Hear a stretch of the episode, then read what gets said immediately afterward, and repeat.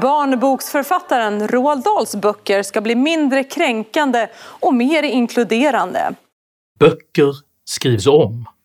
Konstverk förses med varningstexter och identitet överordnas meriter. Vad är egentligen det konfliktfyllda fenomen som ibland kallas “kulturkriget”?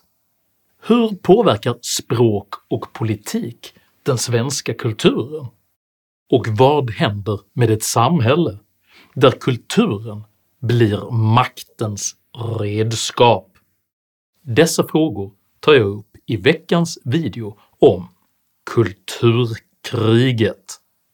Nu lanseras dessutom min helt nya YouTube-kanal “Henrik i korthet” vilken jag föreslår att ni alla följer här ovanför nu. Henrik i korthet är ett snabbare och mer direkt komplement till mina videokrönikor och intervjuer. Här kommer du att hitta koncisa argument, snabba förklaringar och urklipp från mina filmer vilka är lämpade för att delas i sociala medier. Eftersom jag aldrig skulle ta emot något kulturstöd ber jag istället er som uppskattar mina filmer att frivilligt stötta mig via något av betalningsalternativen här nedanför. Det är nämligen endast tack vare ert generösa stöd som jag kan fortsätta att utveckla denna kanal, så ett stort, stort tack till alla de av er som bidrar. Idag talar jag om kultur, kontroll och om krig. Häng med!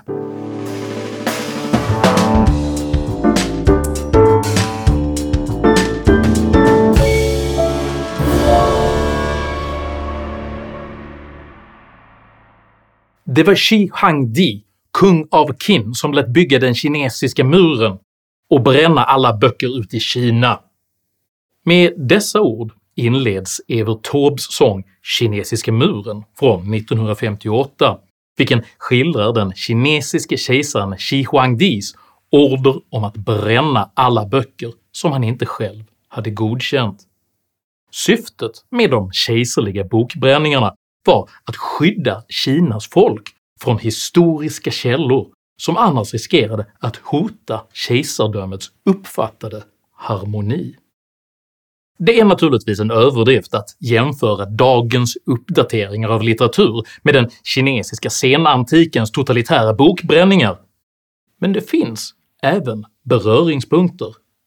Precis som dagens litteraturrevisionism beskrivs som en moraliskt riktig utrensning av kränkande skildringar, så betraktade även Qin-dynastin sig själv som en moraliskt högtstående kultur vars bokbränningar utgjorde ett moraliskt försvar mot vidskepelse och barbari.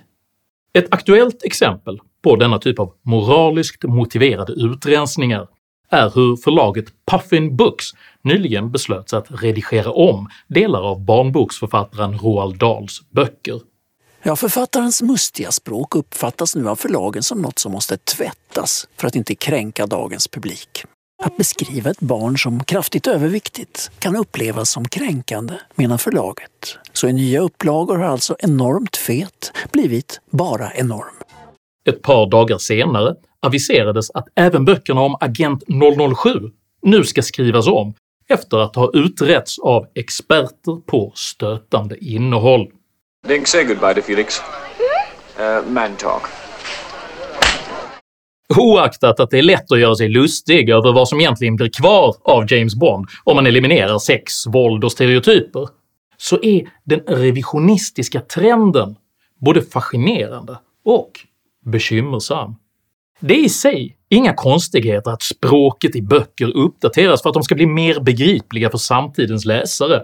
Allt från bibeln till Shakespeares samlade verk finns återgivna i mängder av versioner och olika språkdräkter. Det är inte heller ett problem att privata företag fattar marknadsmässiga beslut rörande de produkter man säljer. Men det faktum att Roald Dahls böcker plötsligt slog försäljningsrekord när de hotades av moralisk revisionism antyder att beslutet inte fattats av marknadsmässiga skäl. Revisionsbeslutet kritiserades sedan så hårt av bland andra Salman Rushdie att förlaget till sist tvingades backa och man aviserade istället ambitionen att ge ut både de klassiska böckerna och de nya reviderade versionerna. Denna lösning kan betraktas som en form av marknadsliberal vapenvila i kulturkriget, men om revisionismen inte är marknadsmässig, exakt vad är då motivet bakom den allt mer frekventa ambitionen att ändra på hur saker och ting beskrivs?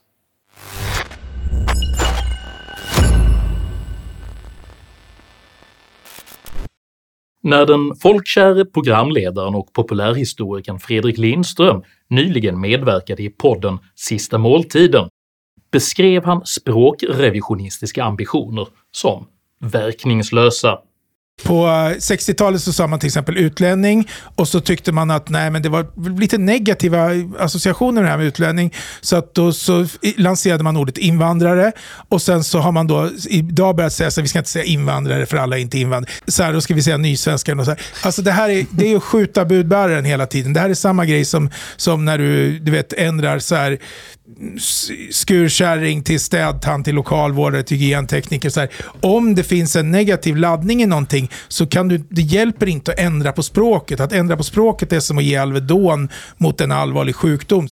Lindström uttrycker här en form av rationell fenomenologisk materialism, det vill säga att saker inte förändras bara för att man beskriver dem på ett annat sätt. De krafter som företräder kulturell språkrevisionism drivs dock av den diametralt motsatta övertygelsen att språket inte bara beskriver utan faktiskt även skapar verkligheten. Denna verklighetsuppfattning kallas ibland för konstruktivism och innebär att företeelser och kategorier anses konstrueras genom att människor upprätthåller dem som begrepp.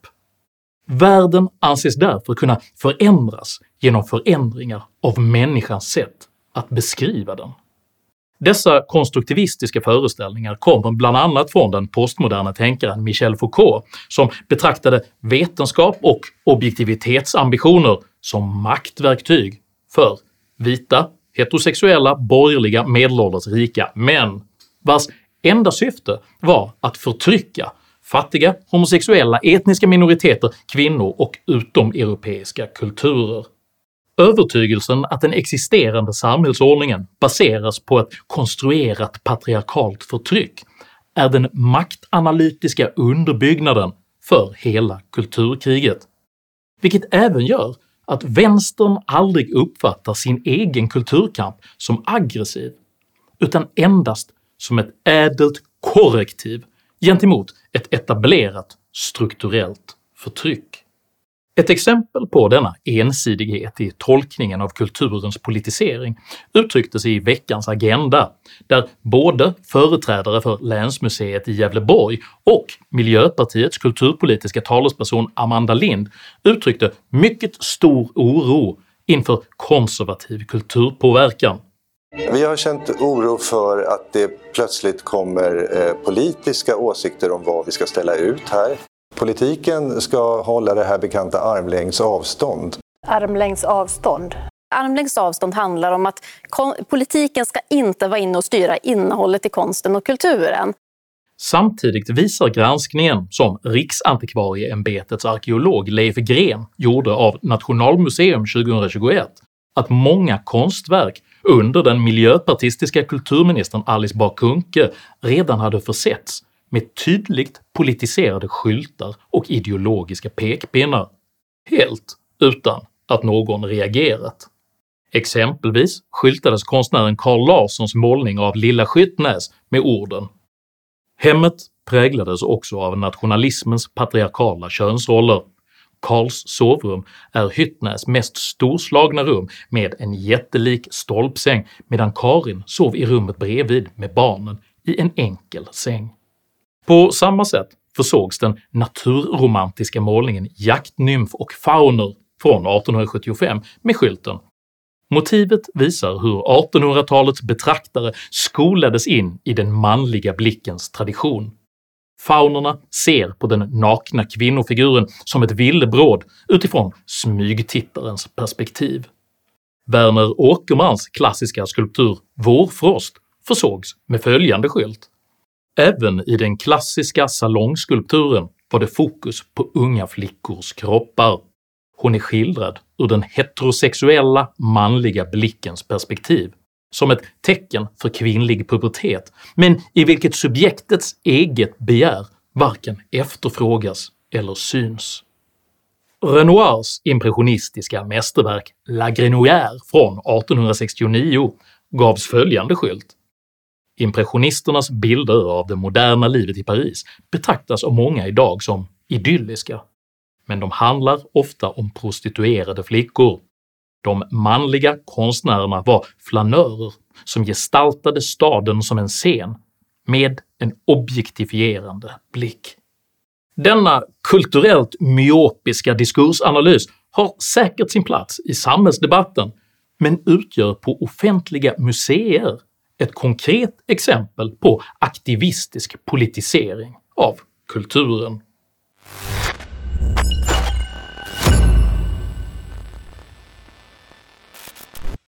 Oförmågan att varsebli vänsterns politisering av kulturen speglades i det kulturprogram som Alice Bah Kuhnke presenterade redan år 2015. Programmet inleddes med den instrumentellt politiserade formuleringen “Kulturen ska vara en betydelsefull del i en grundläggande omställning av samhället”. Hela programmet genomsyrades av vänsterpolitiskt moderiktiga begrepp som strukturer, intersektionalitet och postkoloniala teorier och utgjorde på många sätt ett skolboksexempel på en auktoritär och politiserad kulturpolitik. Med samma typ av hemmablinda kulturpolitiska instinkt uttryckte ett 30-tal miljöpartister så sent som 2021 krav på aktiv styrning av Sveriges Televisions programinnehåll. Förslaget om denna kontroll drogs tillbaka först efter att både partistyrelsen och Sveriges Televisions VD Hanna Stjärne hade kritiserat motionen med orden att den ens skrevs är “häpnadsväckande”. När Sveriges Television i veckans Agenda så pressade Lind rörande denna typ av kulturpolitisk styrning erkände även hon att det funnits en del problem. Jag ser att det har funnits en del problem. Det har begåtts... Du håller med om det, att det har varit en del problem? Det har varit en del problem. Den här principen är inte självklar. Så att alla hänger med. Vad är det för problem som har varit? Problemen som Lind syftar på beskrevs 2021 av Myndigheten för kulturanalys i rapporten “Så fri är konsten” vars blytunga kritik i korthet konstaterade att Utredarnas övergripande bedömning är att det idag äger rum kulturpolitisk styrning som kan och bör undvikas. Det är tydligt att innebörden av det broderi med texten “Visst behöver vi en kulturrevolution nu” som dåvarande kulturminister Alice Bah Kuhnke gärna lät sig fotograferas under, lett till att svensk kulturpolitik nu präglas av en stark politisk styrning mot politiska värdeord som jämställdhet, hbtq-perspektiv och hållbarhet. Detta är alltså inte en kritik av dessa värden i sig, men om kulturen i sanning ska vara fri från politik kan inga värderingskrav ställas på den alls. Detta ser dock inte Miljöpartiets nuvarande kulturpolitiska talesperson Amanda Lind som något problem eftersom hon personligen betraktar dessa värden som helt okej okay målsättningar Får jag bara fråga en sak? Man hör ju ofta om att det finns, speciellt inom Filminstitutet, svensk film ska styras av jämställdhet mellan kön och eh, mångfald på olika sätt. Och så. Är det att styra konsten eller inte? Ja, men det där var något som den här rapporten pekade på, att det finns ett antal sådana egentligen helt okej okay målsättningar att ha. Politiken har på detta sätt genom 24 miljarder kronor i kulturbudget istället för konstnärlig frihet skapat ett ideologiskt homogent kotteri av byråkrater och kulturutövare vilka nu bekräftar varandras åsikter med hjälp av folkets pengar. Den armlängds avstånd som man ständigt talar sig varm för gäller således bara politiska åsikter som man själv ogillar, medan de egna kulturpolitiska kotteriernas värdegemenskaper inte uppfattas vara politiserade alls i mer representativa sammanhang klart och tydligt säger att man står för principen om armlängds avstånd. Men när väl de här händelserna inträffar så blir det tyst. Jag blir faktiskt lite förvånad för att för min del, från det att jag tillträdde på den här posten så har begreppet armlängds avstånd och även begreppet och, och diskussionerna kring konstnärlig frihet varit extremt närvarande Få saker illustrerar den politiserade kultursektorns ideologiskt slutna ekosystem bättre än en generalsekreterare som öppet betraktar fler diskussioner som ett mycket, mycket stort problem. Riskerna är ju som vi ser det att en tystnad kan ju tolkas som, ett, som en acceptans eller medgivande. Och det gör ju då att det banar vägen för fler diskussioner och fler händelser av det här slaget. Denna reaktion är symptomatisk för den konstruktivistiska uppfattningen att världen domineras av ett patriarkalt förtryck och att vänsterns aktivism därför aldrig är politiserad utan endast den förtrycktes rättfärdiga självförsvar. De borgerliga konservativa, som lakoniskt ifrågasätter vänsterns outtröttliga vilja att förbjuda eller påbjuda olika typer av begrepp, ord och identiteter, uppfattar dock inte heller sig själva som kulturkrigare, utan bara som tålmodiga försvarare av en kulturhistoria som man inte vill ska skrivas över av dagsländernas experter på stötande innehåll. Vad som förenar kulturkrigets ytterflanker till både höger och vänster är dock beredskapen att utnyttja de kulturpolitiska kommandohöjderna för att ingjuta kulturen med de värden man själv företräder, oavsett om detta gäller kränkande ord som måste bort eller om det gäller klassicistiska ideal som måste upprätthållas. För den som verkligen bryr sig om en fri och oberoende kultur är därför lösningen enkel. Eliminera statens inflytande över kulturen helt. För varje stöd, varje bidrag och varje satsning är en statlig påse pengar som är täckt av spindelvävsliknande marionettrådar vilka obehindrat sträcker sig över alla utsträckta armlängder och i formen av osynliga vänskapsband knyter an till både nämnder, institut och kulturutövare. Klipp dessa kulturens osynliga band nu! Stryp den kulturella respiratorn för både högerns och vänsterns politiserade kulturambitioner och skattebefria istället all kulturproduktion. Gör det även skattefritt för företag och för privatpersoner att donera sina egna pengar till kulturutövarna, till teatrarna och till konstnärerna. En sådan ordning skulle demokratisera hela kulturlivet i ett enda slag genom att helt enkelt låta folket själva finansiera den kultur de faktiskt vill ha. Och då får vi ju se hur stor den demokratiska efterfrågan på intersektionella museiskyltar och avkönade 007-böcker egentligen är. För som den bokbrännande kejsaren av Qin fick erfara innebär ambitionen att kontrollera historien ofta även till att man själv förpassas till historien.